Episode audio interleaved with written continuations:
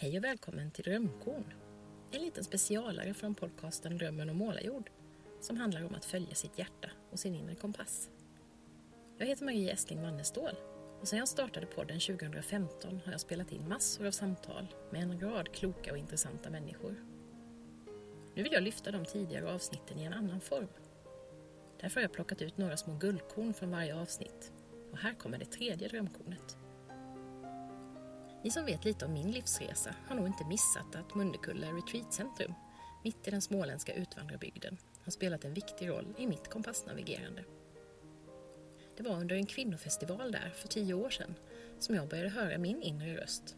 Och det är också där jag har stiftat bekantskap med den samtalsform, cirkelsamtalen, som har fått så stor betydelse, inte minst i mina samtalsgrupper. Därför var det väldigt roligt att grundarna till Mundekulla, Ann och Peter Elmberg, var bland de första av mina gäster. Peter berättar om hur han tog en ettårs timeout från sitt tidigare liv för att få tag i sig själv.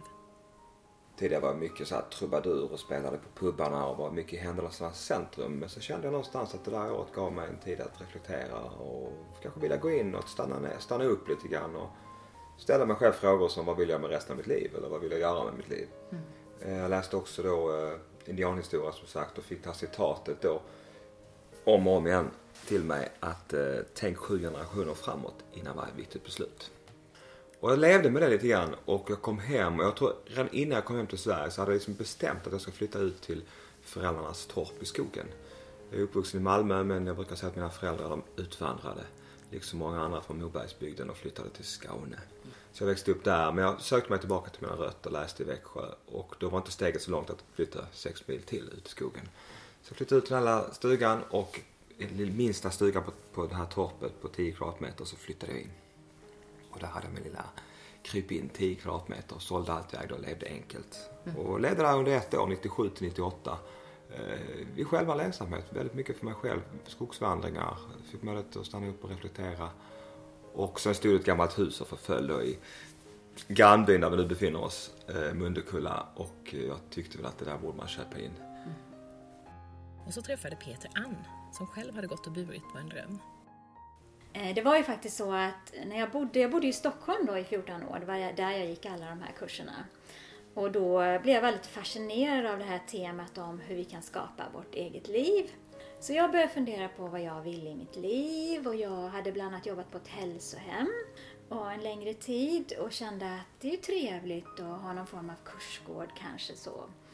Och kunna dela med mig det som jag tycker är viktigt då. Och jag besökte många kursgårdar också. Så att då växte den där drömmen fram om att eh, ja, men jag tror att jag vill bo på landet, på en vacker plats och ha en man och tillsammans skapa en kursgård då. Så jag hade väldigt fokus på det här för jag, jag, tror på att vi ska fokusera på våra drömmar också. Så jag skrev ner det, jag målade det och under många år så var det min intention som jag tog också steg emot. För jag, mm började bjuda in till kurser redan i Stockholm då, på olika ställen där jag hyrde in mig i lokaler och så. Och utbildade mig lite mer också då så jag kunde ha fler kurser och så. Och sen en dag kände jag att nej, nu är det dags att flytta på sig och eh, sätta igång och förverkliga det här. Det var som att det kändes som att nu är jag färdig med Stockholm, nu är jag färdig med att åka tunnelbana, nu vill jag ut på landet. Och i den vevan så träffade jag faktiskt på Peter innan jag flyttade då. Och sen så beslutade jag mig att flytta till Öland, för jag hade varit där varje sommar och min farmor bodde på Öland då. Så hon blev jätteglad att jag kom dit. Så tanken var väl först att kanske ha något kurscenter, någon liten, lite mindre plats på Öland där jag kunde sitta och måla och skriva och bjuda in människor ibland. Jag hade aldrig kunnat ana att jag skulle hamna så småningom på sån här stor plats faktiskt. Men så blev det då. Tack vare att Peters pappa restaurerade det här gamla huset tillsammans med Peter. Han köpte in det då. Så att, eh, ja, efter ett tag då så kom vi på att vi kanske ska göra någonting här också. Och på den vägen så fortsatte det. Anns tankar om att det är viktigt att hjälpa sina drömmar på traven, ge dem fokus med hjälp av både bild och ord, det kan jag skriva under på. Jag har själv använt mig av både visualisering och affirmation Alltså att exempelvis skriva ner tankar om det man drömmer om, som om det redan hade hänt. Med åren har jag också lärt mig att det ibland är bra att inte vara alltför specifik i sina drömmar. Numera pratar jag ju exempelvis oftare om att identifiera sina livsriktningar än att alltid sätta upp en massa tydliga mål. Ann funderar vidare kring vad som kan hända när man har förverkligat en dröm. Jag kan väl säga att eh, när det gäller då att lyssna till sitt hjärta och följa sina drömmar så kan det ju vara så att drömmen drar iväg sen i en riktning som man liksom inte riktigt, eh, man får själv liksom känna om man ska hänga med. Mm. och så var det väl lite när vi tog det här beslutet att eh, växa och bli, att anläggningen skulle bli dubbelt så stor. Mm. Och eh, jag kan känna att tänker tillbaka på det ibland så tänker jag att man får kanske känna då, vad var det som var det viktigaste i min dröm? För mig var det ju egentligen det här att ha en plats, kunna möta människor på, men samtidigt kunna hålla på med min kreativitet. Men det fanns ju en tid då just när det hade växt som det blev väldigt mycket och kanske även i början. Men, men då var det också väldigt roligt att bara få förverkliga drömmen om en kursgård. Men just när det blev så här stort och det blev lite ny inriktning och sådär kunde jag nog känna att jag tappade kanske min egen dröm lite grann. Fast visst, den fick uttryck på andra sätt. Jag gjorde ordning många av rummen här och fick hjälpa till att inreda och det var också kreativt på sitt sätt. Men eh, det var några år där som det blev väldigt mycket jobb och kanske lite bort ifrån min dröm. Men mm. nu känner jag däremot att tack vare att vi har byggt ut så kan jag också göra ännu mer det jag vill. För jag har ju retriter bland annat för kvinnor och jag har haft kvinnofestivaler och ja, vi kan bjuda in många fler människor för att det är så stort. Och, för, mm. och sen har jag ju jättefina lokaler att vara i nu som vi inte hade förut heller. Så det var ju, man skulle inte vilja ha stoppat det heller. Mm. Men eh, det kan ju vara någonting, tänker jag, som det här programmet handlar om, mål och drömmar. Att liksom mm. hela tiden stämma av lite så tror jag kan vara bra. Och se att okej, okay, nu har du dragit iväg. Men jag tror vi var medvetna om att det kanske en tid här, det kanske blir ett glapp här nu innan vi kan börja ta in mer människor som kan hjälpa oss också. För det är ju mm. där vi är idag, att nu har vi ju fler anställda och det Just kan vi ha tack vare detta. Så, så idag har jag ju mycket mer tid än mm. i början mm. faktiskt till att göra mina kreativa saker så. så att, eh, men det kan gå i olika faser ja. så då. Och det är just här jag tycker det där med livsriktningar blir så viktigt. Dels att det går att justera om riktningen om det visar sig att det inte blev riktigt rätt.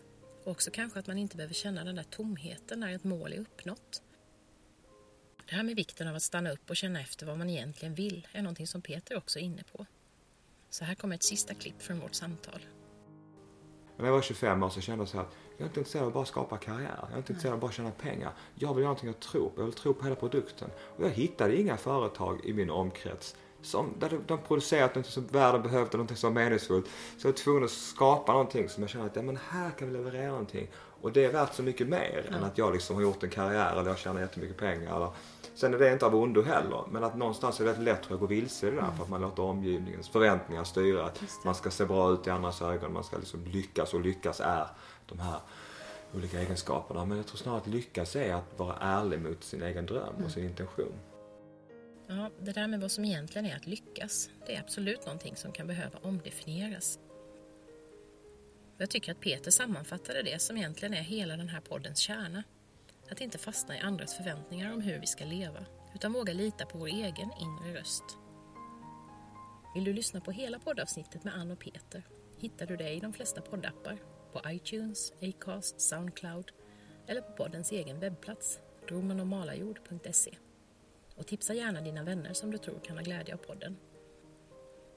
I nästa drömkorn ska du få möta Lisa Moreus, en av mina närmaste vänner. Fast det hade hon nog inte riktigt hunnit bli än, när vi sågs för att podda för lite mer än tre år sedan. Tack för att du har lyssnat och hej då!